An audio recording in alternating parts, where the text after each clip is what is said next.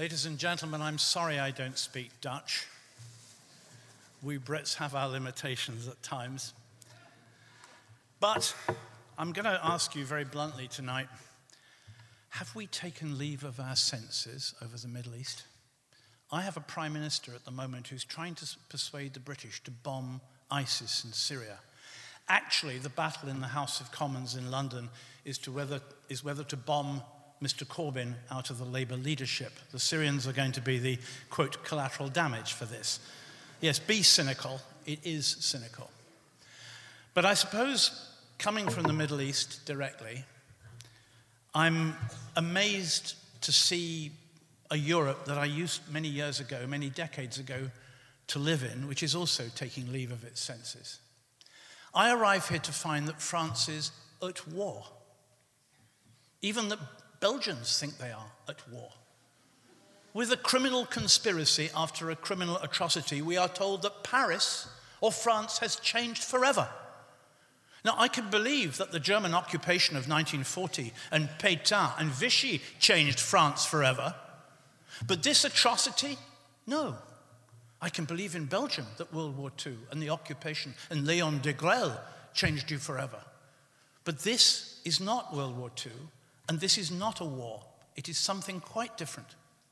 And I'm going to admit to you that ever since three weeks, four weeks ago, I started back from the Middle East again to give some lectures in Canada, from Queen Victoria Island and Vancouver to Quebec and Montreal. For the very first time, after 39 years in the Middle East, it'll be 40 on June the 6th, fatal date next year, I am at a loss to understand the nature of the titanic events which are taking place around me when I go to Egypt and to Syria. And of course, I live in Lebanon. I ask myself, you know, you here, I think, are on now the level three of danger, or level four, or red zone, or whatever it is in Paris, or purple zone in the United States. I live in a part of the world where every city is permanently on purple alert where we are on 10, series 10 of alerts. So I come back to Europe and I ask, what is going on here? You know, 100 years ago, almost to the day, Mr. Sykes and Monsieur Georges Francois Picot, the British and French diplomats, met in secret to divide up the Middle East at the, heart, at the height of the First World War. And of course, we know what happened. Um, Mr. Sykes wanted to make sure that Palestine, Transjordan, and Iraq remained in British hands, and the French, Monsieur, uh, Monsieur Picot, wanted to make sure that Syria, Lebanon, and at that stage, northern Iraq would be in French hands.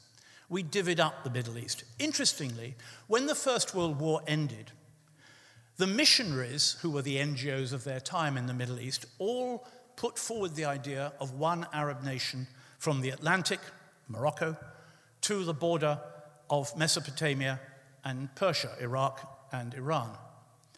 And so did the State Department um, diplomats from the dying Ottoman Empire. But of course, the British and French had decided that they wanted these territories and they took them. And in the hundred years since, the Arabs of these regions had no freedom, no dignity, no justice. Always we go to the Middle East with our tanks and our armored vehicles and our Apache helicopters or our swords and our horses, offering democracy to the Arab Muslims. But I noticed in Tahrir Square in 2011, nobody carried a poster demanding democratia. They asked for justice, dignity, and freedom, but they didn't ask for democracy. And there's a clear reason why not, because for the Arabs of the Middle East, Democracy was a word they associated immediately and understandably with our Western nations, which had spent a hundred years propping up, paying, and arming the kings and generals and dictators whom we delivered unto them to oppress them and torture them. So, democracy was not a word that any Arab I ever met wanted to hear to be given as a gift to their countries.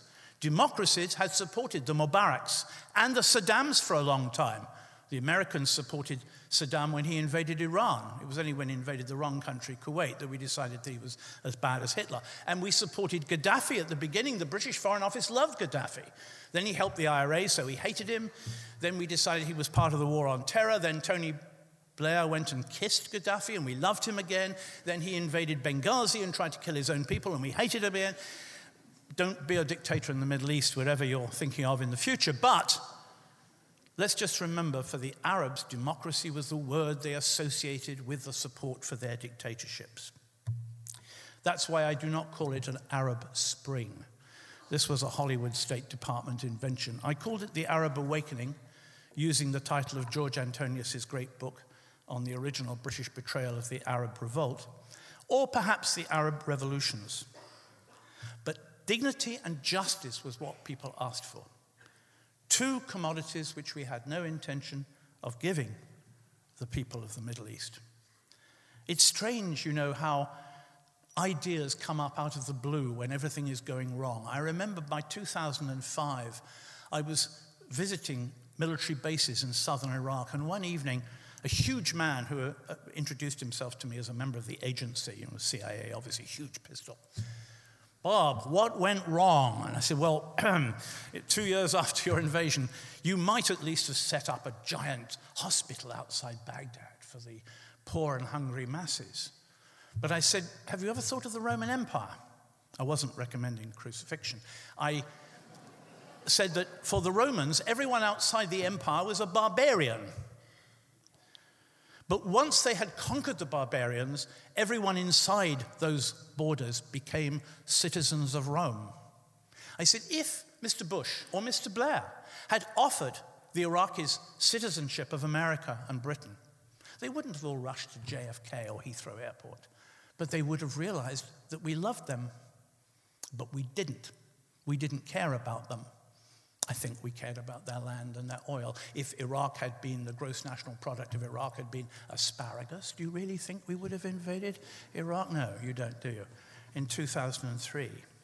Let's go back to Sykes-Picot because you see, the first video that was put out by ISIS, not these slick, sick execution videos. By the way, I have to watch them all. I see the beheadings and the drownings. It's appalling. But before they went in for this kind of slick Hollywood style viciousness, ISIS produced a video for the Middle East. I saw it when I was in Beirut. I don't think you would have seen it in Europe. It was very crude. It was a handheld camera, and it showed a bulldozer knocking down a rampart of sand. It was the border between Iraq and Syria. And the camera panned down and caught a little piece of paper lying on the sand, and written in biro in English was, End of Sykes Picot. That evening, by chance, I was having dinner with Walid Jumblat, the Lebanese Druze leader, and he stood on the doorsteps. Robert, it is the end of Sykes Picot. I said, Oh, come on, Walid, rubbish. But Walid was right, and I was wrong, because what I think looking back now, and I'm not trying to be a prophet or a seer because my crystal ball broke a long time ago in the Middle East, but looking back now, I think that 2011 and the Arab revolutions were not just an attempt to get rid of dictators and say, This is our land, though it certainly was. I think that the Arab peoples had given up on the institutionalized systems which we, the British and the French and the West, had given them, imposed on them, and forced them to undergo since 1915. They rejected the fake governments and the false elections which we allowed them to have by supporting their dictators. They rejected the false newspapers. They rejected the frontiers. When the Syrian refugees poured away initially from the dictatorship and the cruelty of Bashar al Assad, and then from Nusra, and then from ISIS, and then just from the destruction of their cities, they walked across the border into Lebanon. I saw them, I, I live in Lebanon, and into Jordan, and into Turkey, without the slightest regard to the frontier fence. And their distaste for frontiers became evident to me in July of this year when I was supposed to be covering the Greek economic crisis. But I went with Médecins Sans Frontières up to the Greek Macedonian border. This is before the hundreds of thousands of Muslims suddenly appeared in Europe. And I saw hundreds and then thousands of Iraqis and Syrians walking like an army of the poor, a medieval army, out of the cornfields of northern Greece with, with bruises from the Macedonian frontier guards. Two of them from Aleppo, I knew they were brothers. I'd met them in wartime Aleppo two years earlier. And he said, Mr. Robert, we're going to Germany. And I said, How can you get? We are going to Germany. To hell with the frontiers. And they started speaking about Syria and their citizenship of Syria in the past tense. You see, they had already dispensed with Sykes Picot. They no longer believed in the institutions and the frontiers which we laid down for them, and now they did not respect our frontiers either. And they did walk to Germany or were given trains at the end of their journey in Austria or in Serbia or in Croatia to go to Germany. They broke down our frontiers in the same way as they no longer believed in theirs. What we are seeing in this extraordinary, again, I use that word titanic, epic piece of history, and this mass ingress of refugees, they are not just afflicted by war, but they've been afflicted by our history to them. And this is part of the collapse of Sykes Picot. And we should realize that. They now ignore our frontiers too. ISIS, I think, must have been appalled. We want to beat ISIS. We want to bomb ISIS. No, ISIS was defeated by the very vast crowds of refugees whom we began to fear. Put up the borders, more police, more passport controls. ISIS would have asked themselves, must have asked themselves, why didn't these hundreds of thousands of Muslims come to our wonderful caliphate? They didn't. They went to Europe, to us. And can you imagine the anger of ISIS when the Germans showed them love instead of hatred? Now, that was our defeat of ISIS. Stronger, more potent, more powerful than any bomb that any aeroplane can drop on Raqqa. And I keep saying to myself, and I'm the son of a soldier who fought in the First World War as well as the Second. He was in the civil defense in the Second, but my dad was in the Third Battle of the Somme. I found myself saying, Thank God for Germany.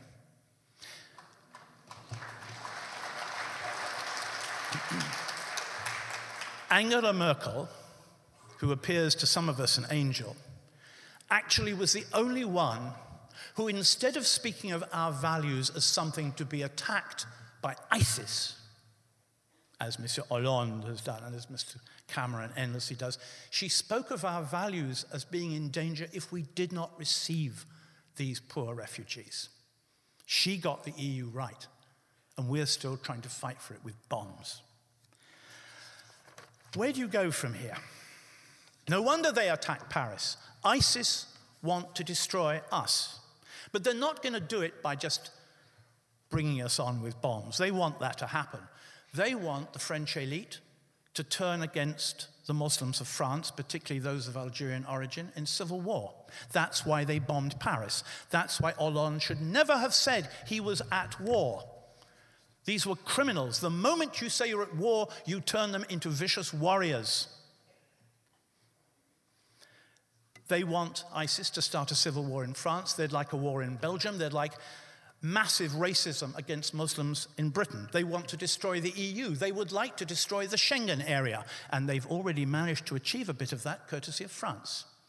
Now, when you get your train from Bruxelles Midi, you have to go through an extra control, courtesy of ISIS.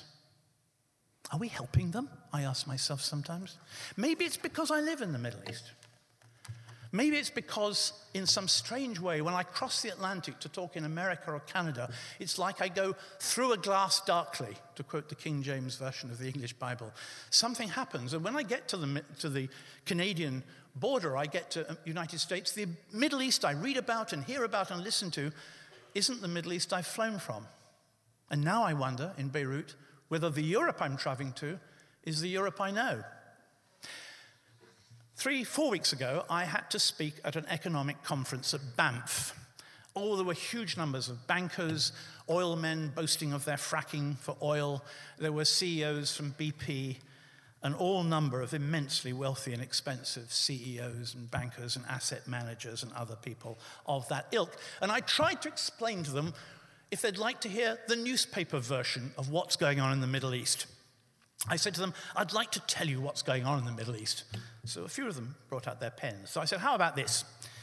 The Americans, this is a quotation from what I said in Banff. The Americans and the British and the Canadians are bombing ISIS and Nusra in Iraq. The Canadians have stopped, by the way. Nusra, of course, is partial to Al Qaeda. The Americans and the British and the Canadians are bombing ISIS and Nusra in Syria. The British are now going to bomb them on their own as well. We were going to bomb Bashar al Assad's Syrian army in Syria, but now we're bombing his enemies, but not in such a way that it will help the Syrian army. The Syrian army is bombing and shelling ISIS and Nusra in Syria. The Lebanese Hezbollah is fighting ISIS and Nusra in Syria, and Iran is bombing ISIS and Nusra in Syria and in Iraq. So we're allies of Iran in Iraq, but enemies of Iran in Syria. Syria. The Turks are bombing ISIS in Syria, but mostly the Kurds in Syria and Turkey. Meanwhile, the Jordanians and the Saudis and the Emiratis and the Qataris are also bombing ISIS in Iraq and sometimes in Syria, but not perhaps Nusra, which is part of Al Qaeda. Meanwhile, the Saudis and the Emiratis are bombing Yemen, and the Yemenis are shelling Saudi Arabia, and the Egyptian and Qataris are bombing Libya, and the Israelis have been bombing the Syrian army and the Iranians in Syria, but not bombing ISIS or Nusra in Syria or any anywhere else. Ladies and gentlemen, I finished at Banff. I trust I make myself obscure.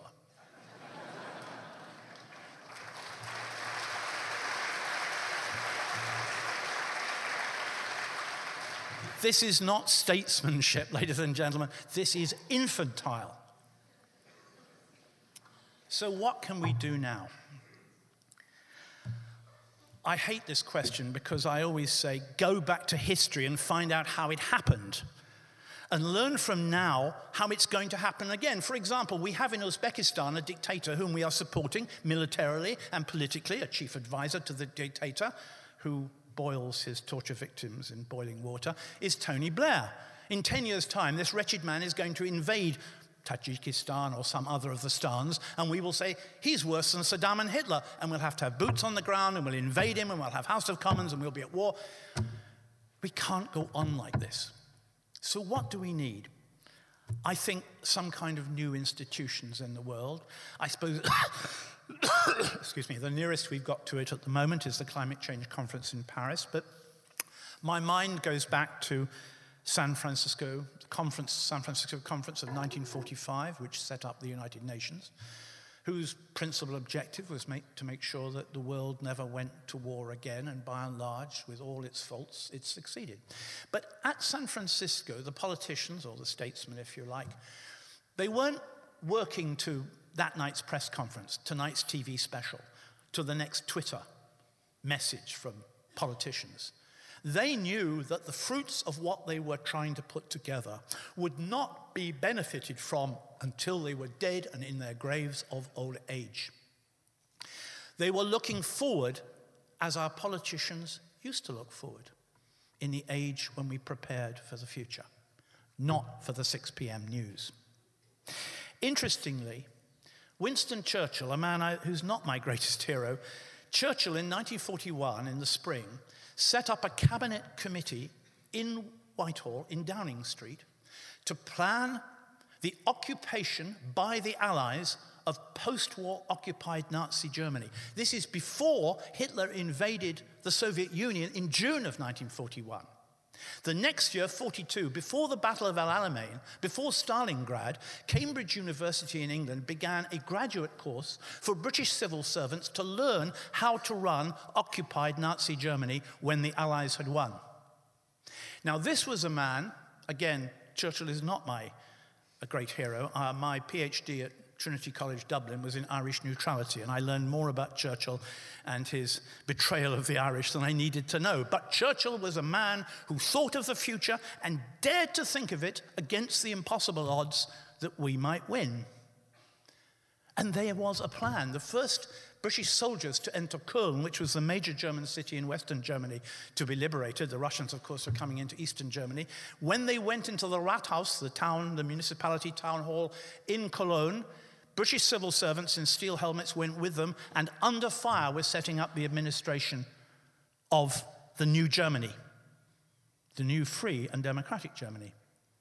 And yet, when American tanks crossed the Tigris River in 2003, they didn't even know what they were going to do tomorrow. We don't plan, we have no major new institutional ideas, and our politicians today, alas, it's not their fault, have never experienced war. They think it's an adventure, they think it's like Hollywood. It's about winning or losing. When, in fact, war, as those earlier ministers whom you had and the French had, who'd been in the First War as well as the Second, they knew that war was about death, the final destruction of the human spirit. The failure of the human spirit is what war is about. We've lost that lesson. So we don't think in large horizon terms about the future. Look what happened after the First World War. There was a tide of millions of refugees from Russia, post revolution, and from the Middle East, the millions of Armenians who escaped their own Holocaust genocide of 1915. Many of them were coming from Aleppo into Europe. The League of Nations asked Fridtjof Nansen, the great Norwegian Arctic explorer, to take care of refugees, and he invented the Nansen passport. A passport for refugees which was fully diplomatically recognized by 50 nations, many of them in Europe. So that the refugees from the Middle East had their own documentation, not of the country of origin, unless they kept their old passports, but they had a passport saying, I am a Russian, I am Armenian, I am an Ottoman, I am an Iraqi, and it was accepted because it was a Nansen passport. Nobody, nobody has looked back or even mentioned Nansen in the context of today's refugee torment. These people need that kind of initiative. They need that kind of major political, diplomatic initiative, and it is totally lacking. Even tonight, I hear from my office, the Tories are planning the vote to coincide with the 11 p.m. news in Britain, or the 10 p.m. major news in Britain. So, still, we're allowing the public relations, and by the way, remember David Cameron's profession is public relations. He wasn't even a lawyer like our friend Tony Blair. We, by the way, if anyone can understand this, Tony Blair, you get 10 euros later on tonight. the man, you would have thought with his close relationship with God that God occasionally gave him some advice. You know, like, don't invade Iraq, Tony. It may not be a good idea. However, we, we are dealing with politicians and statesmen today who are eyeing only their Twitter accounts, the television times, the news press conference, and how to out cliche the rest. Where did David Cameron get 70,000 moderate fighters in Syria? 700 maybe, 70 quite probably, but 70,000. This is a prime minister, my own, who photoshopped a fake poppy onto his lapel to honor our war dead from World War I and World War II. Now he's photoshopping 70,000 moderates onto the map of Syria. You know, the Syrian army will tell you if you talk to them, they don't care about the moderates, they run away. They have to fight ISIS and Nusra, and that is the enemy. So, why don't we plan?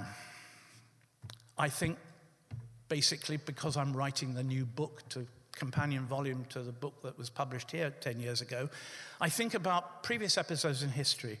The Armenian genocide itself, one and, a, one and a half million dead, deportation, massacre, rape, not totally unlike ISIS. And it took place in the very location where ISIS now rules. When in 1996, uh, 1994, forgive me, I went to the area of desert in northern Syria where the Armenians died in their tens of thousands at the hands of the Turks. By that stage, mostly women and children. I found bones in a riverbed of the Armenians with rags on some of the bones that were buried in a hillside. They had been tied together before they'd been killed. And I took those bones to the church of Deir ez-Zor in Syria, which was the Armenian church of memory to the Holocaust. Nusra, whom the Qatar is now trying to say are our moderates, Nusra went into that church, dynamited, took all the bones, not just the few that I had collected, but all the others collected since the Armenian genocide, and threw them into the street. These things are not new in our history. If you think of Bosnia, which I'm writing about now, because I covered the Bosnia and Kosovo wars, the 250,000 dead, most of them Muslims, the mass rape of Muslim women, which, and I met the women who recounted this horror to me. This is not unlike ISIS, although in that occasion, of course, they were Serb Christians who were doing these filthy deeds, not Muslims like ISIS. So these are not, this is not The phenomenon of ISIS is not new in terms of horror. We've done it too, and so have the Turks. Just think of their current situation. And they won't even admit the Armenian genocide.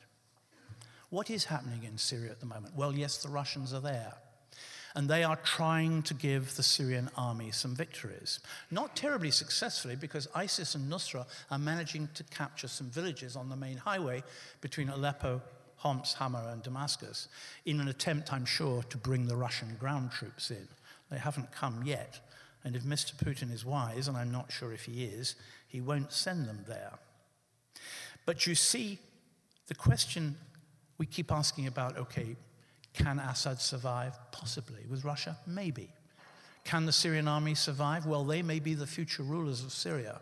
Stop thinking about Bashar al Assad and ask yourself whether an army that has a secret figure, but I know it, suffered 60,000 dead in the military, the government regime army, are they going to let, after that sacrifice, are they going to let their country go back to the Ba'ath Party and Bashar al Assad? I doubt it. Not that simply and not that easily.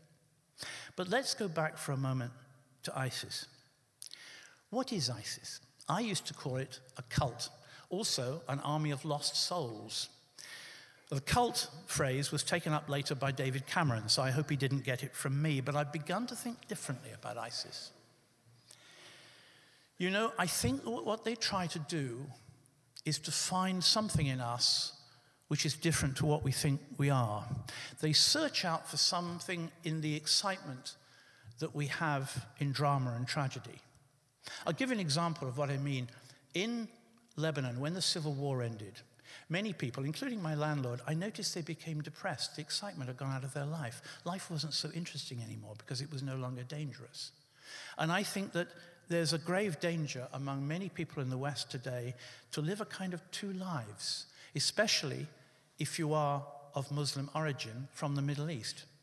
Many of the 9 11 hijackers, 15 of whom were Saudis, by the way, I'll come back to that in a moment, many of them began to hate themselves and feel corrupted when they were living in the West and enjoying our freedoms.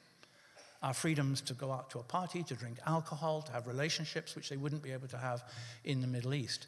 And many of them went back to the Middle East and felt, I suspect, corrupted in themselves. The two sides of themselves began to jostle together. About two years ago, I think it was Avignon, but it may have been Perpignan in France, a young woman, French woman of Muslim origin, left her home. And her parents, Algerian origin parents, called the police. They feared, alas, correctly, uh, that she'd gone to Syria. She had indeed, and they didn't manage to stop her. But when the police arrived, they looked at the young woman's Facebook. She had two Facebooks. One of the Facebooks was about parties, music, going out. The other Facebook had a picture of the ruins of Aleppo. On the top in Arabic, Bismillah Allah Muhammad al Rasulullah.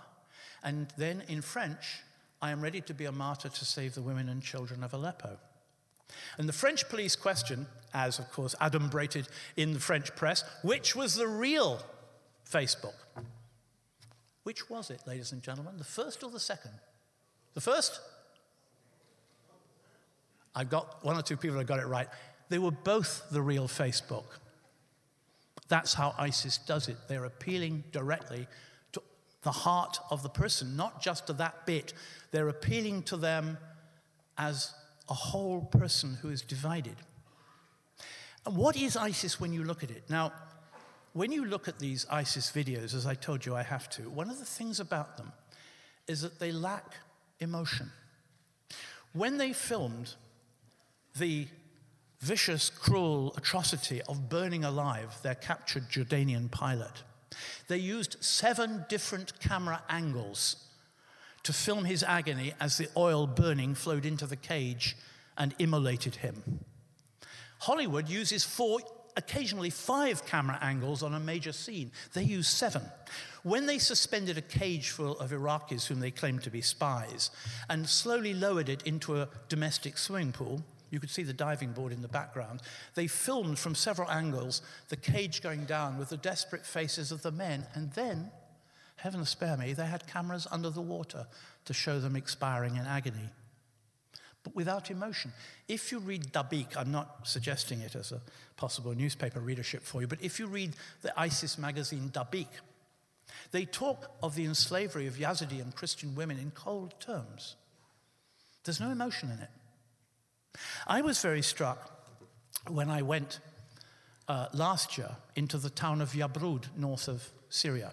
Nusra had been in Yabrud for a year, and the Syrian army, not necessarily through massive heroism, but by using the mobile phones and calling the Nusra people whom they knew, saying, Get out of town now, the Syrians went in under shell fire, and I got into Yabrud with them.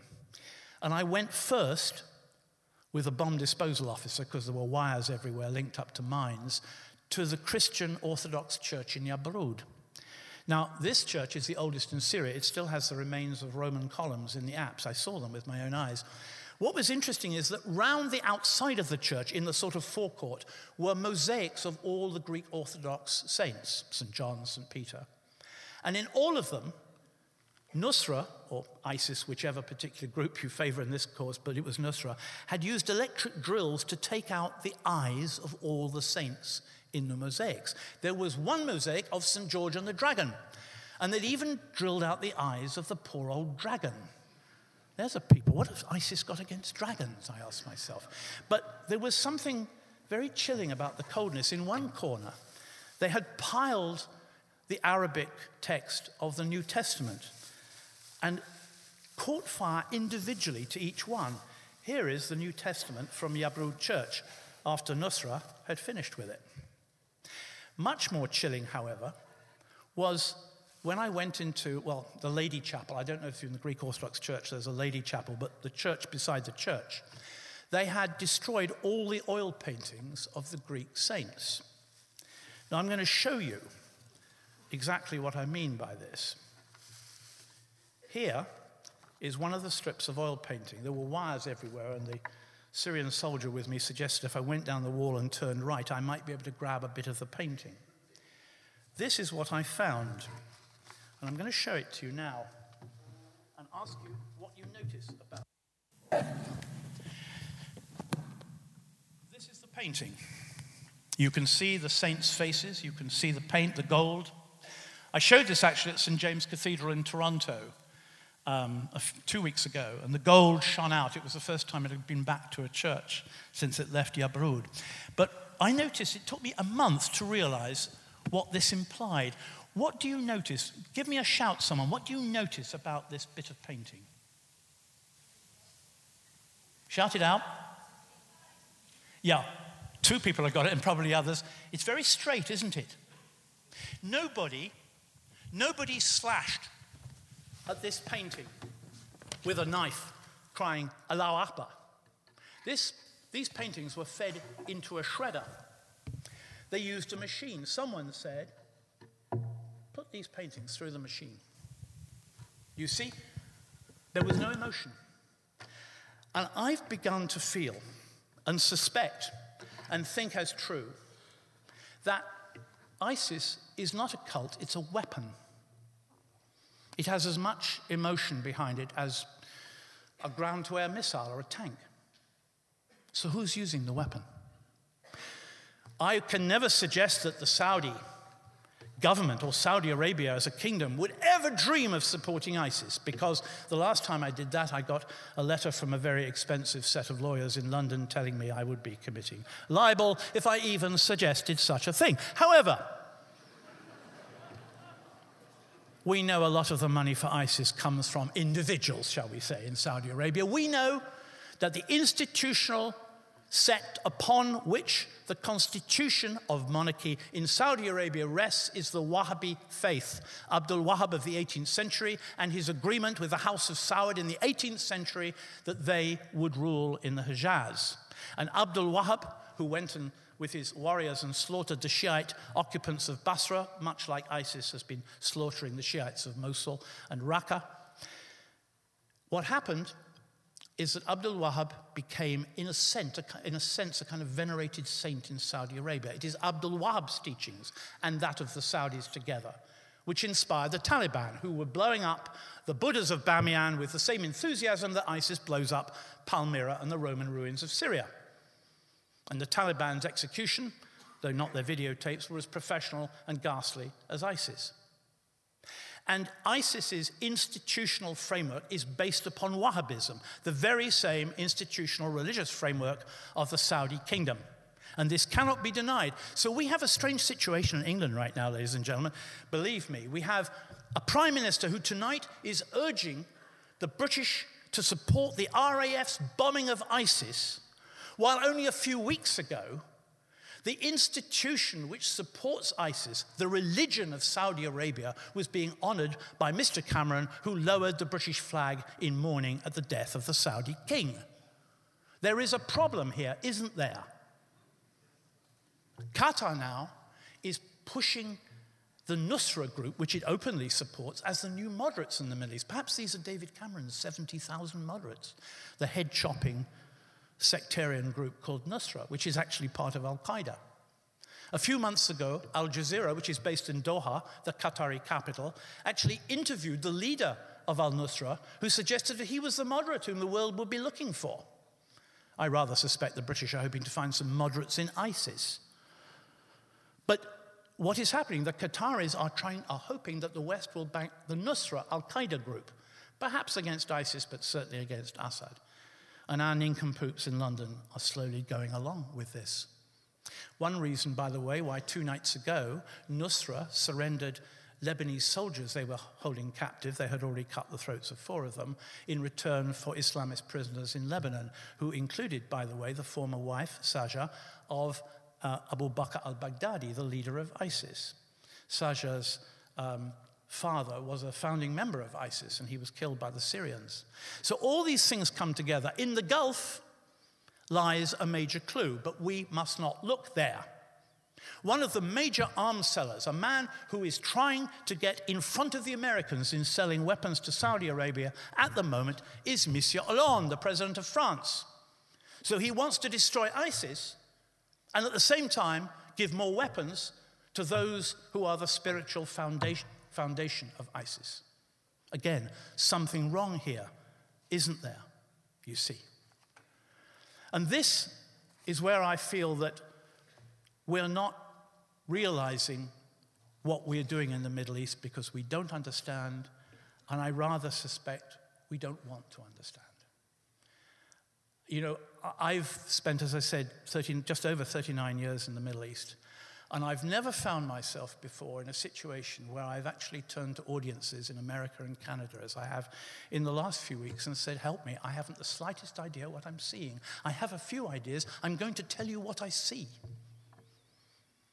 But I don't fully comprehend it because it's on such an epic, titanic scale. And I think we are seeing the biggest turning point in the Middle East of the last century, let alone this one. And I think we've got to reaccustom ourselves and to start thinking of the future in much, with much greater perspective and distance and generosity and kindness. And we must see that those refugees who came to us were the biggest defeat that ISIS has suffered since it was created in blood and horror and fear in, in 2014. So, the big question, which I now have to address, and I don't know the answer to it, and maybe you do, but it's a question I've never been able to find an answer to. It doesn't get asked directly to me. It never gets asked directly when I'm talking to Muslims over coffee or in a car or meeting to go to the cinema or at people's dinner or lunch. Although it sits there and in little tiny ways it pops up, and it doesn't come up in conversation with Westerners even less with Westerners than with Arabs. And the question is this, and I think this lies at the heart of our problem in comprehending ourselves as well as the Middle East, most of whose people are indeed Muslims, Arab Muslims. The Muslims are a people who have kept their faith. Imperfectly, of course, as we all do, but they have kept their faith. They still believe that the Quran is the word of God Himself as transmitted through His Prophet Muhammad. And they try as best they can, and they fail sometimes, of course, but they try to ensure that their lives, their family, their future, even their ideas of death are locked onto the idea of God's word. They believe in God. Now, we in the West, I don't think largely we believe in God anymore. I think There aren't many Christians left. Yes, there are. There'll be some with us tonight. There are some in Lebanon. There are some in the Midwest of America. In England, sometimes I still see them creeping into church on Sundays, but there aren't many. Why is it that all the books you can buy, I'm sure it's the same in Flemish and French, it certainly is actually in French and it is in English, they always are Muslims and the West, or Muslims and Europe, or Muslims and non Muslims. They're never Muslims and Christians, or Muslims and Christendom, which Europe used to call itself a few hundred years ago. So you have this situation, do you not, where the Muslims of the Middle East have kept their faith, and yet they have been dominated and occupied, directly or by proxy, culturally, socially, economically, politically, and militarily by a people who have lost their faith. Your silence speaks very eloquently to me because I don't think you know the answer either. And I don't know the answer, but I do suspect that this question has to be asked and lies at the bottom of many feelings of anger and fury and humiliation among us as well as among them. Ladies and gentlemen, I can't come to you, and I haven't come to you tonight to give you answers or to tell you solutions. There are no solutions in the Middle East. Resolutions, perhaps, and they will always be imperfect. But justice, why can't we have justice? Justice for the Kurds, justice for the Palestinians, justice for the Shiites in Saudi Arabia, justice for the Sunnis who fear, justice for the Israelis, who remember the British promised a Jewish homeland in Palestine, not just part of Palestine, justice for the people of the Middle East. But we are not interested in this. We are interested in power and influence, and that is what we want to do. I once asked Kamal Salibi, Protestant, professor of English literature, at the American University of Beirut. You know, why, what happened in the First World War? What did we do wrong? He said, Robert, he, he's dead now, but I have to imitate him because I do a good imitation of poor Kamal. He said, Robert, you know, in the last days of the Ottoman Empire, they wanted to be like you. They brought steam locomotives, rack and pinion, to go over the mountains of Lebanon. They learned to play the piano, they learned to paint, so you destroyed them. And part of the reason for the First World War was to destroy the Ottoman Empire. They wanted to be like us. For the new Oxford History of the Holy Land, I've been having some fun doing the chapter of Napoleon to the First World War. And I've been looking through my own books of Orientalist paintings almost all by the French, but by a few Brits as well. And they're all of decaying mosques. One magnificent painting of the 1870s shows a caravan, a pilgrimage going to Mecca with camels and donkeys and poor old men, blind men walking on foot through the desert. Yet this painting was produced when there were regular steam train services from Cairo to Port Said, when you could travel by rail from Cairo to Aswan. When the industrial side through cotton was being, the industrial side of Egypt's economy, cotton was being set up. We constantly looked for decay because we believed that among those people there was only decay. And that's not true. In the end, those refugees who came to us in Europe had a lesson. They didn't believe in that decay. Whether or not it was our fault, they didn't believe in it. And they wanted to be like us. Ladies and gentlemen, I thank you for your patience tonight.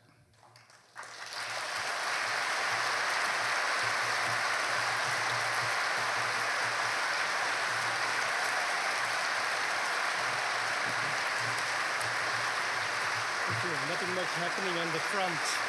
Is that right? Just, just a tweet from, from the Sun saying at least 45 Labour MPs will be. We'll see. We'll see. Okay.